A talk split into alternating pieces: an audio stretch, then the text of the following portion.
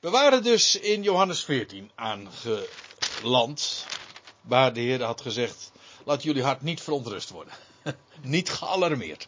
Geloof in God, geloof ook in mij, juist omdat hij uh, heen zou gaan. En juist dan is het zo belangrijk om af te gaan op zijn woord en ook daarop volledig te kunnen bouwen. Vandaar die uitspraak van geloof in God, geloof ook in mij. En dan uh, woorden die erg bekend zijn. Maar ik moet er tegelijkertijd bij zeggen, als je het hebt over de betekenis ervan, zijn ze erg onbekend. Eerst even dit. Als de Heer dan zegt in het woonhuis, in het huis mijns vaders, staat er dan in de MBG of Statenverdaling, in het woonhuis van mijn vader zijn vele woningen, vele verblijfplaatsen. Uh, de aanduiding, het woonhuis van mijn vader, vinden we nog een keer op dezelfde wijze, exact dezelfde wijze, in hoofdstuk 2, vers 16, waarin, waar we vinden dat de Heer de tempel schoonveegt. Uh, dan zegt hij dat het huis van, jullie hebben het huis van mijn vader gemaakt tot een rovershol. Dat. Dan gebruikt, gebruikt hij dezelfde aanduiding. Het huis van mijn vader. En daar duidt het dus onmiskenbaar op de tempel. Ik moet er trouwens bij zeggen dat de tempel een, in feite een heel complex was. Inclusief ook met uh, verblijfplaatsen. Uh, waar uh, priesters ook tijdelijk dan hun, hun onderdak hadden. Je leest van een, een, bekende, nou, de geschiedenis van die kleine Joas. weet je, dat was zo'n jongen die tot van, van zijn geboorte tot aan zijn zevende jaar. Was een tellig uit het huis van David. En die werd verborgen gehouden in de tempel.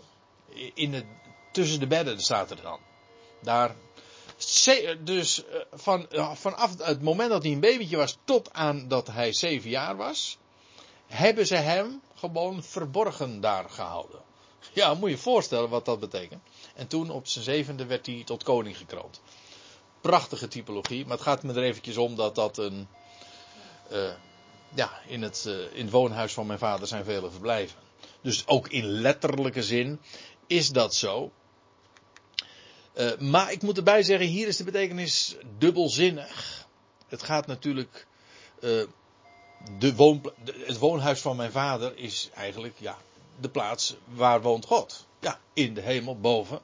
Dat is één ding. Dus dat is het woonhuis van mijn vader. En zelfs Jeruzalem wordt ook Gods, de stad van Gods woning genoemd. En als je het zo bekijkt, dan is het ook zo dat dit verwijst naar het Messiaanse Rijk. Dat Jeruzalem de stad van de grote koning zal zijn. Dat dat de plaats zal zijn waar God zijn woonplaats zal hebben. En dat hij ook daarnaar verwijst. Uh, hij, laten we eerst eventjes nog uh, doorlezen voordat we uh, hier nog even wellicht op terugkomen.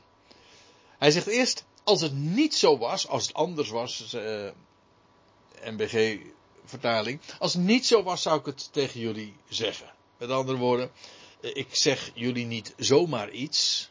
Wat ik zeg is solide, is betrouwbaar. Mocht het anders zijn, dan zou ik je dat ook gemeld hebben. Vandaar ook dat hij in vers 1 zei: geloof in mij. Geloof ook in mij. Omdat ik, zegt hij, uh, als het niet zo was, zou ik het jullie tegen jullie zeggen, omdat ik heen ga om voor jullie plaats gereed te maken. Ja. Nou, waar slaat dat heen gaan op? En uh, waar slaat dat op jullie plaats gereed te maken? Ik heb daar een heel uitgesproken idee over. Ik zal straks ook met uh, het bewijs komen. Eigenlijk hebben we het al zojuist uh, gezien. Namelijk dat de Heer al diverse keren had gezegd van... Ik ga heen en jullie zullen me zoeken, maar jullie kunnen me niet, uh, daar niet vinden. Hij doelt inderdaad op zijn sterven. En op zijn opstanding. En dat is toen hij gereed, toen hij heen ging en hen een plaats gereed ging maken. Ik ken de gebruikelijke gedachte dat Jezus naar de hemel is gegaan. Dat is eigenlijk wat men meestal ook eh, baseert op vers 2. Dat Jezus naar de hemel is gegaan en nu is hij daar boven stoel aan het klaarzetten of zoiets. Hè? Uh, om ons plaats te bereiden. Daar is hij 2000 jaar bezig met uh, ons een plaats te bereiden. En dat is natuurlijk niet de gedachte. Nee, hij is heen gegaan, namelijk door te sterven. En op te staan. Die horen bij elkaar. Hij stierf om op te kunnen staan uit de doden. En daarin maakte hij een plaats gereed. Namelijk om bij zijn God te zijn. En wat je dan ook onder het huis van de Vader verstaat, dat kan, ja, dat kan je op verschillende niveaus. Eigenlijk is het inderdaad dubbelzinnig. Het heeft een, dat kan een hemelse uh, betekenis hebben. Hij heeft een, plaats gereed gemaakt. Uh, of voor, uh, eigenlijk voor ons trouwens ook in de hemel, dat is waar. maar ook hier op aarde zal een plaats zijn waar God zelf zal wonen. God zal wonen bij de mensen. Dat staat van de nieuwe aarde. Maar ook het Messiaanse Rijk, dus de, grote Sabbatdag die over deze wereld zal komen. Dan zal God rusten uh, in zijn schepping. En hij zal in Jeruzalem. En eigenlijk is het hele land Israël ook zijn huis. Het hele land is van hem. Het is eigenlijk ook de woning waar hij verblijft. Dus. Ja, wat is het woonhuis van mijn vader? Nou, dat is de plaats waar God woont. En waar woont God? Nou, daar kun je echt verschillende antwoorden geven. Dan kun je, dan kun je daar naar wijzen. En straks in het Messiaanse Rijk kun je gewoon naar Jeruzalem wijzen. Heel specifiek, want dat is de plaats. Je kunt naar Israël wijzen. Ik moet denken aan Psalm 133, waar je leest van, uh, ziet hoe lief het is, liefelijk het is als broeders van één huis te samenwonen. Maar dan gaat het ook over de stammen van Israël, uh, over het huis van Jacob. En daar staat er, daar gebiedt de Heer zijn zegen. En daar, uh, en daar woont hij zelf. Hè? Zo, ja, nou, dat is uh, trouwens de beruimde versie, geloof ik. Daar woont hij zelf en daar wordt zijn heil verkregen. Ja, daar woont hij zelf. Dus in dat huis, in dat huis van Jacob. Is het niet uh, anders bedoeld, dat hij in de geest erbij is? Ja, zeker. Ja, maar. Niet lijfelijk. Nee, nou kijk, en dat bedoel ik. Het is dus op allerlei niveaus waar. Het is letterlijk waar. Hemelswaar. Het is aardswaar. Het is dus een, een uitspraak die, en dat zie dat hebben we inmiddels heel wat keren al in het Johannes-evangelie gezien, die dubbelzinnig is. Een uitspraak die op allerlei lagen waar is. Bijvoorbeeld, ik, ik, ik wil nog eventjes even herinneren aan wat we toen zagen over die, over die kudde.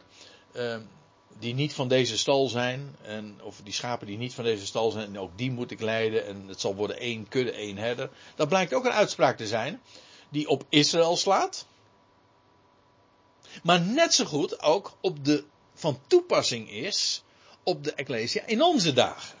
Dat is dus de, de gelaagdheid. Een, met recht dus dubbelzinnig. Het zijn dus eigenlijk twee lagen. Hemels, aards.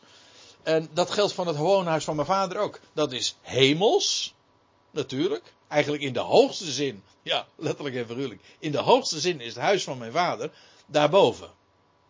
Maar ook hier op aarde woont hij. En dat dan ook nog weer in verschillende zin. Namelijk heel concreet in de tempel. Meer algemeen in, in Jeruzalem. Nog algemener in het land. Maar feitelijk is de aarde dan. Uh, heel de aarde zal vol zijn van de kennis des Heer. Daar woont hij. Dus.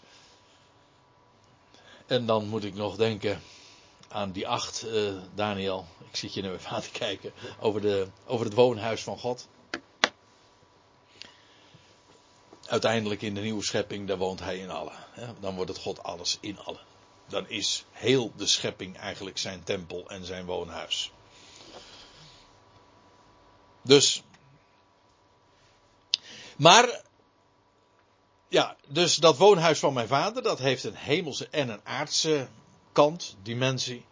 En dat, maar dat heen gaan, om voor jullie een plaats gereed te maken, ja, dat slaat op zijn op de weg die hij nu zou gaan op zijn sterven en zijn opstaan. En daarin maakt hij uh, een plaats gereed. namelijk om te zijn waar God woont. En wanneer ik gegaan ben, of wanneer ik heen gegaan ben, en plaats gereed gemaakt heb voor jullie, kom ik weer.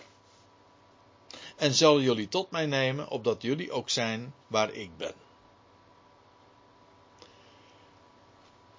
En het probleem is met de gangbare uitleg is dat ze veel te smal is. Omdat men dan zegt van, oh, maar dat gaat over zijn wederkomst straks. Ik zal het niet, ik zal het niet ontkennen. Ik zeg alleen, het is eh, ook op meerdere niveaus waar. Dat als hier staat, dan kom ik weer, dan zeg je, oh, dat is zijn wederkomst. Dan zeg ik, ja, natuurlijk, dat is wat uh, weerkomen uh, is. Hè? Dat is wederkomst. Maar wat bedoel je daarmee? In de eerste plaats zeg ik, dat was zijn terugkeer uit de dood.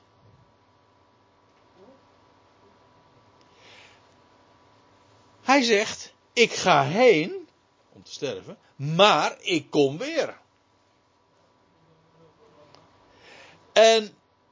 Ja, maar hij zegt ook, en ik zal jullie tot mij nemen. Ja? Wacht even. Dat is waar. Ik, ja, die uitspraak gaan we ook nog doen. Ik, ik, zal je straks, ik zal je straks uh, meenemen daarheen. Uh, zijn terugkeer uit de dood. Maar het is ook zijn komst in de geest.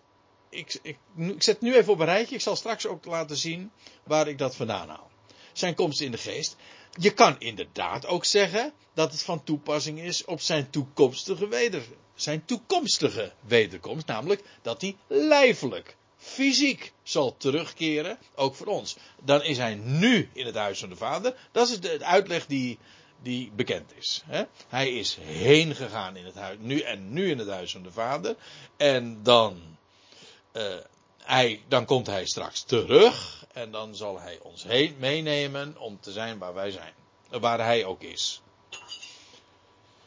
Ik sluit hem niet uit, ja, als de bezuin dan zou klinken. Maar dat is, het is al vreemd als de Heer hier daar expliciet op zou wijzen. Want dan Paulus, als Paulus daarover spreekt, dan zegt hij: Ik maak jullie een geheim bekend. Met andere woorden, daar was niet eerder over gesproken. Dat was uh, iets nieuws. Wat, wat Paulus heeft bekendgemaakt. Als daar al naar verwezen wordt, dan is dat vanwege uh, een, een dubbele toepassing. Kijk, in de eerste plaats. Laat ik, laat ik eventjes. Uh, oh, het is trouwens een verkeerde tekst. Het is niet Johannes 7, maar Johannes 14. Dan zal ik, als ik thuis kom, nog even veranderen. In Johannes 14, dus gewoon in dit, ditzelfde hoofdstuk waar we nu al in zijn gearriveerd. En dat moet je. Kijk, we, lezen nu vers voor vers. En we bespreken het zin voor zin. Maar je kunt zo'n zo'n zo'n woord alleen maar begrijpen wanneer je het in zijn hele context leest. Als je nu even gewoon doorleest in Johannes 14, dan staat, zegt Jezus dit tegen, bij dezelfde gelegenheid, tegen zijn discipelen. Hij zegt, ik zal jullie niet, ik heb er al voor de pauze al even op gewezen, ik zal jullie niet als wezen achterlaten. Als kindertjes, zonder dat er zorg gedragen wordt voor jullie. Hij zegt, ik kom naar jullie toe. Kijk het maar na. In, ook, uh, hoe staat het in de MBG-vertaling? Ik zal u niet als wezen achterlaten, ik kom tot u. En dan, nog even, heb je het weer. En de wereld ziet mij niet meer. Maar jullie zien mij. Want ik leef en jullie zullen leven. Nou, daar hadden we het al even in een ander verband over.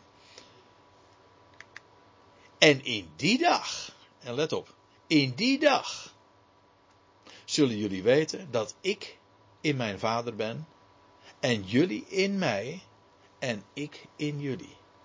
Kijk, dat is nou met recht, dan zullen jullie ook zijn waar ik ben. Kijk, wat de Heer zegt, uh, de wereld ziet mij niet meer, maar jullie zien mij. Met andere woorden, terwijl de wereld uh, geen, mij, niks meer van mij zal vernemen. Jullie zullen mij zien. Dit slaat uit, uiteraard ook op zijn opstanding.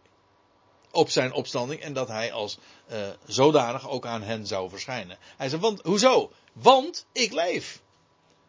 En jullie zullen leven, gelovende het leven hebben in mijn naam. Ik las het al eerder voor.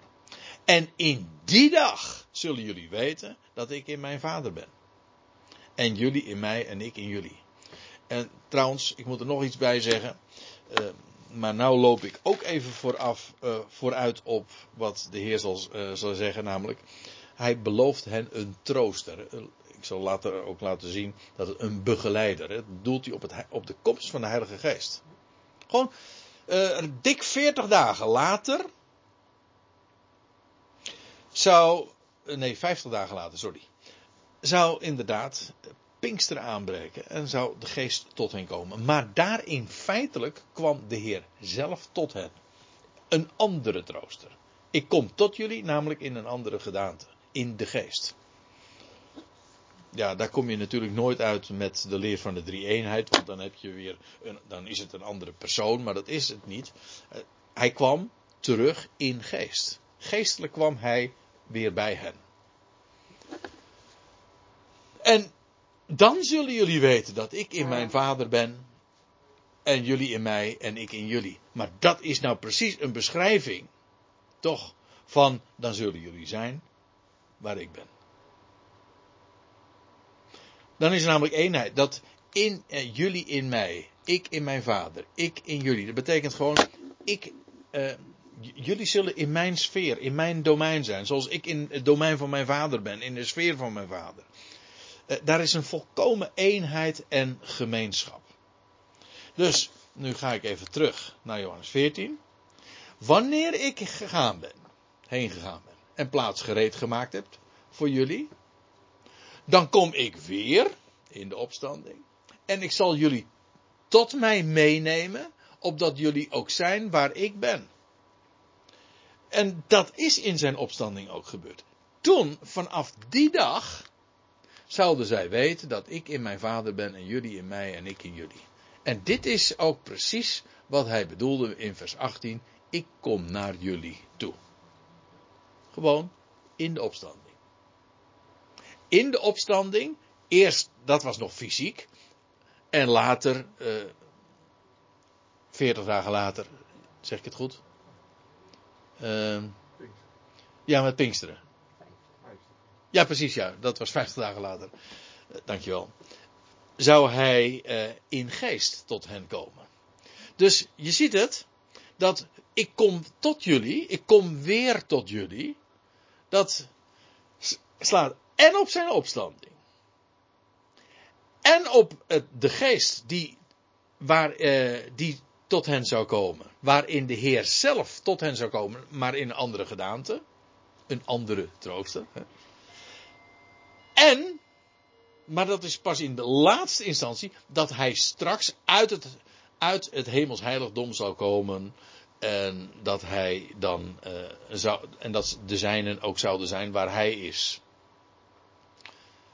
En zelfs dat is nog dubbelzinnig, want dat kan zowel slaan op de Ecclesia die uh, hem tegemoet gaat in de lucht. Maar het slaat ook feitelijk op Israël, want als de Heer straks zal terugkomen voor zijn volk, ja, dan zullen zij ook zijn waar hij is. Want hij zal hier ook op aarde zijn plaats hebben en de stad gaan uh, herbouwen, et cetera. Ja, dus dan zal hij hier ook op aarde zijn verblijf hebben. Dus ook dat is waar. Dus uh, als ik het uh, goed geteld heb, heb je hier al vijf verschillende toepassingen waarin dat tweede vers van Johannes 14 waarheid wordt. En in zijn opstanding, en in Pinksteren, en in zijn terugkeer voor de gemeente, en in zijn terugkeer ook nog eens een keertje voor Israël. Het is allemaal waar. En ik hoef, ja, ik hoef er helemaal niet in te kiezen. Maar ik moet er bij, wel bij zeggen, als ik puur naar Johannes 14 kijk, dan is in de eerste plaats denk ik aan zijn sterven en aan zijn, uh, aan het feit dat hij terug zou komen. De wereld zou hem niet meer zien, maar jullie zien mij. Dus uh, dat is de primaire betekenis. Daar is het niet mee uitgeput. Maar dat is wel het eerste waar je aan uh, zou denken. Dus ja, dat is toch een wat uh, ander verhaal dan wat daar altijd over verteld wordt.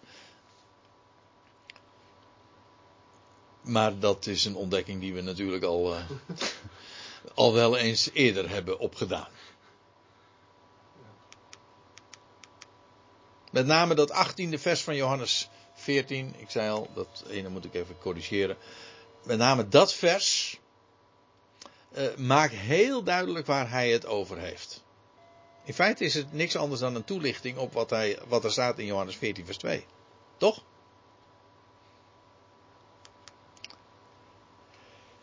Nou, en eigenlijk gaat hij in vers 4 ook daarmee verder.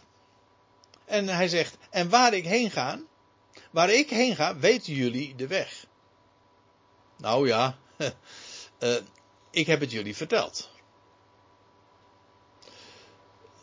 straks, straks uit, in feite maakt de Heer uh, vragen hier bij de discipelen wakker hoor. want zij gaan nou vragen, waar hebt u het eigenlijk over? De Heer zegt, jullie weten het. Eigenlijk, dat is leuk hè, het woordje weten Kijk eens naar de interlineair. Letterlijk staat er: jullie hebben waargenomen. Zie je? Jullie hebben waargenomen.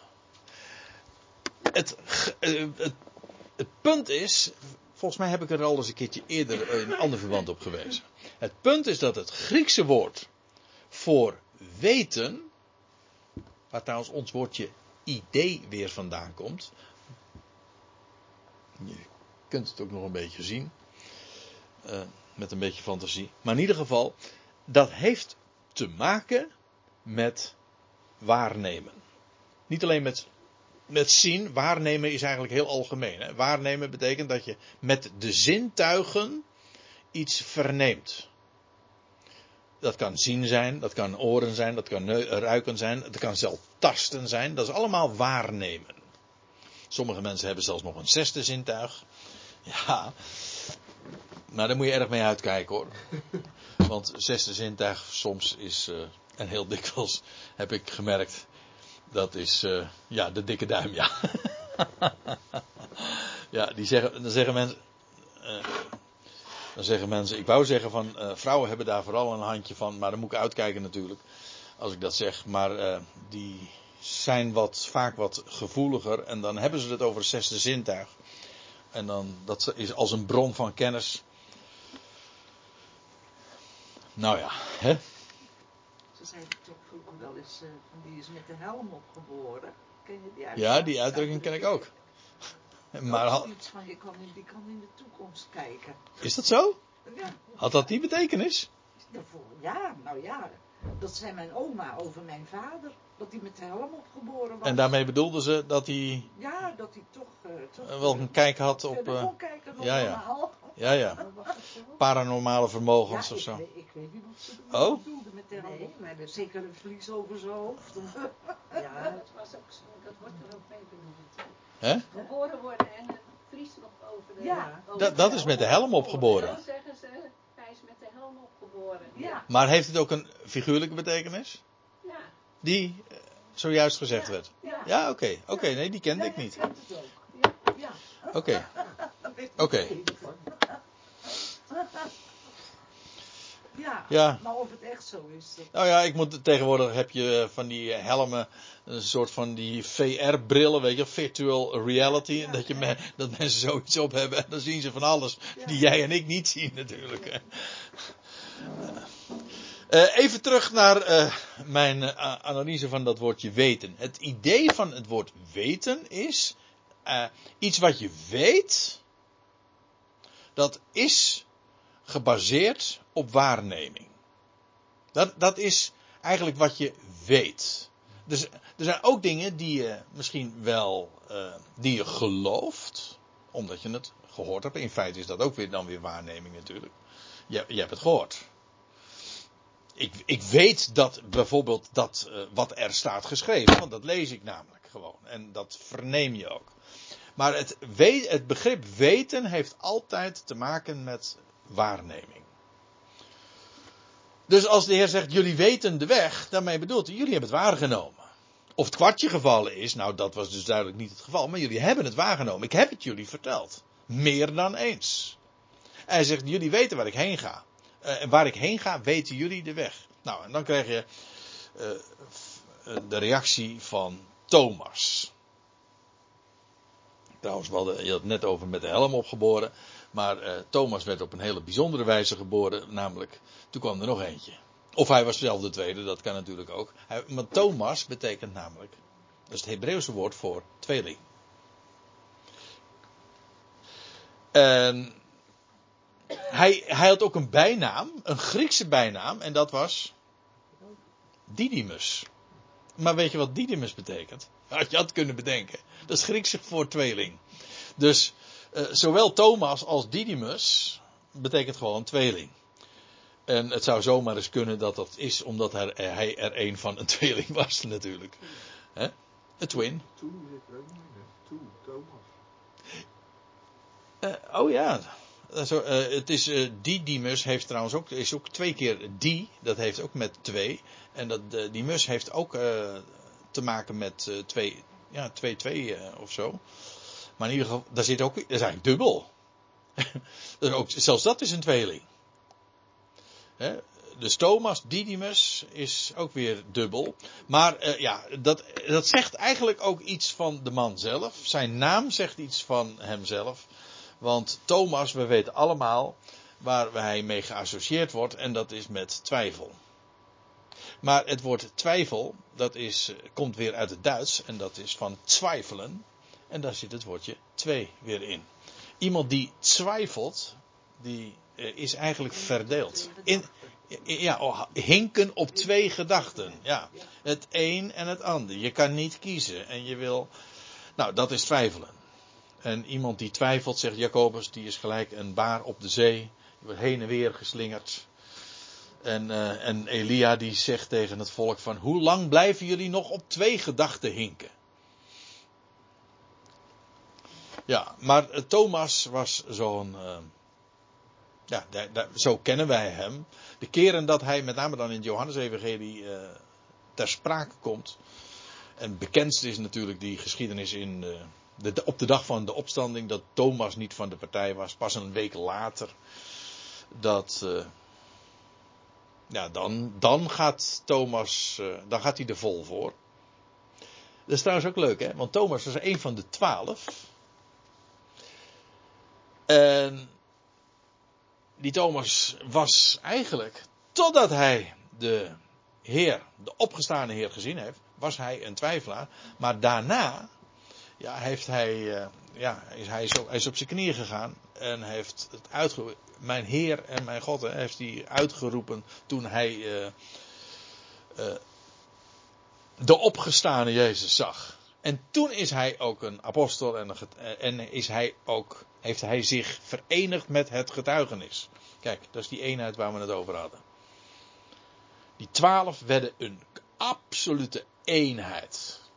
Stonden voor de opgestane Heer. Terug even naar Thomas. Hier is eh, het allemaal nog niet zo ver, want eh, hier eh, begint hij te twijfelen en te vragen: Heer, wij weten niet waar u heen gaat. Hoe kunnen wij dan de weg weten?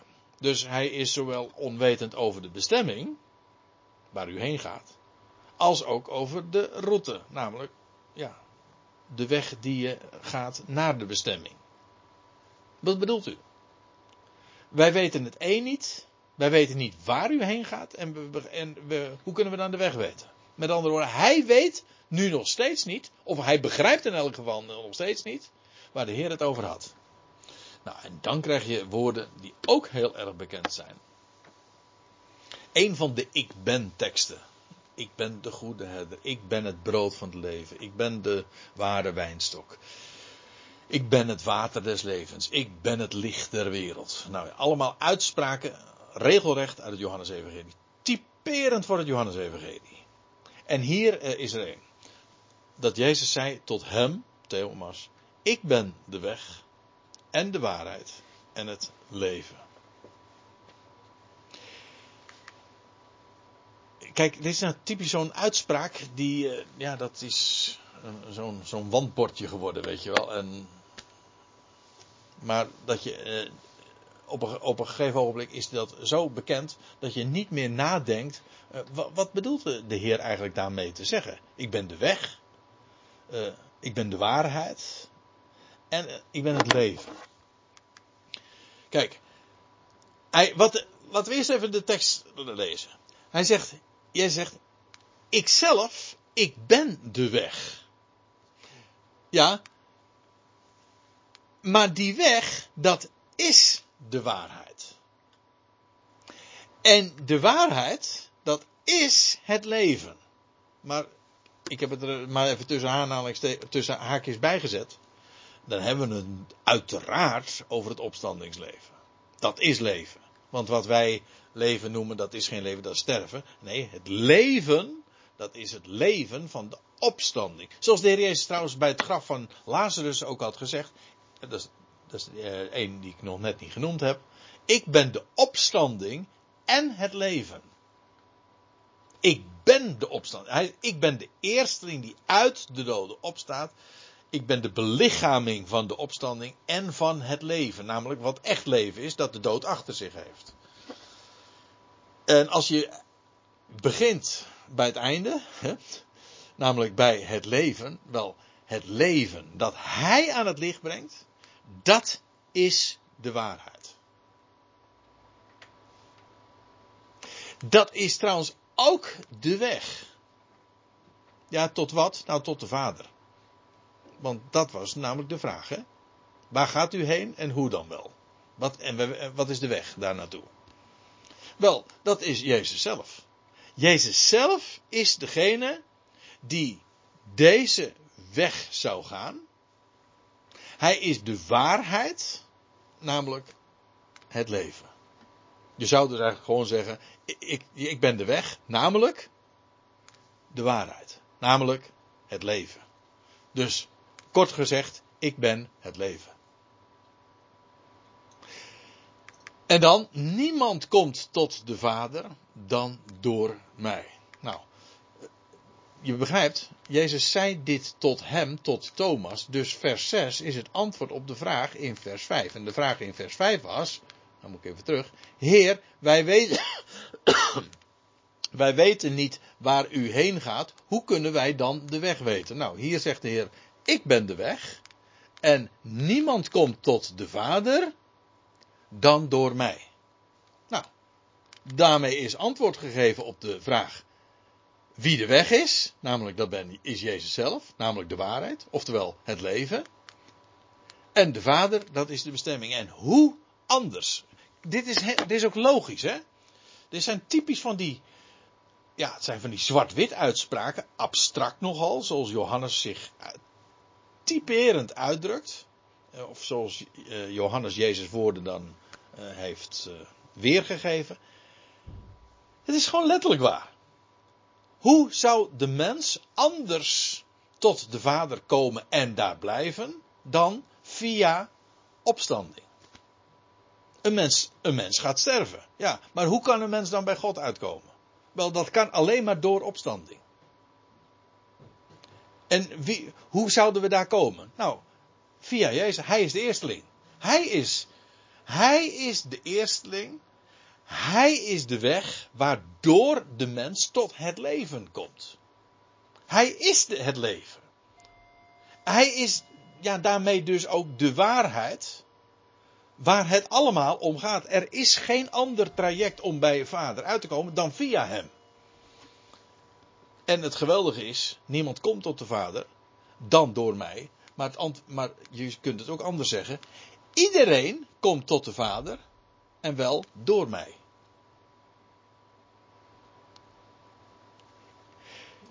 Dat is namelijk net zo waar. Er is maar één weg, namelijk. De er is maar één weg en dat is, eh, dat is het leven. En dat is de waarheid. Ja, zo moet, zo moet je het eigenlijk zeggen. Er is maar één weg en dat is het leven. En dat is de waarheid. Er is geen andere weg tot de Vader dan deze. Maar iedereen elk mens zal via die route ook bij de Vader uitkomen. Want zoals in Adam alle sterven, zo zullen in Christus allen worden levend gemaakt. Iedereen zijn eigen rangorde. Christus als eersteling. Daar hebben we hem. De eersteling. Via hem gaat het. Via hem gaat het. En maar via hem gaan ook alle mensen, geen één uitgezonderd, uh, zullen het leven ontvangen en daarmee dus met recht tot de, uh, de Vader komen en bij hem ook uitkomen. En er is niemand uitgezonderd die tot de Vader zal komen dan inderdaad alleen door hem. Zodat deze zwart-wit uitspraak negatief waar is. Niemand komt tot de Vader dan door mij. Maar ook positief waar is. Iedereen die tot de Vader komt, komt daar door mij. Of anders gezegd nog, iedereen komt tot de Vader. En wel door mij. Er is geen andere weg. Ik, ik, daarom vind ik het altijd zo'n dwaasheid. Ik, uh, ik weet niet uh, of jullie dat ook wel eens zo gehoord hebben. Ja, vast en zeker. Dat uh, als je dan zegt dat God de redder is van alle mensen. En dan zeggen van ja, maar Jezus heeft toch zelf gezegd: niemand komt tot de Vader dan door mij. Ja. Dan denk ik ja, precies. alsof je dan zou, alsof je daarmee zou zeggen dat hij een redder is van alle mensen, dat dat dus buiten Christus om zou gaan. Nou zo, absoluut niet. De hele wereld wordt juist via hem eh, het leven gegeven. En via het kruis, door het kruis, verzoent God eh, alles tot zich. Dus het is helemaal niet buiten Christus om. Er is maar één weg. En alle mensen zullen vroeg of laat, iedereen zijn eigen rangorde, ook daar terechtkomen. Nou, dat is, uh, dat lijkt me een mooie moment ook om, om het af te sluiten. En dan beginnen we de volgende keer bij uh, vers 7.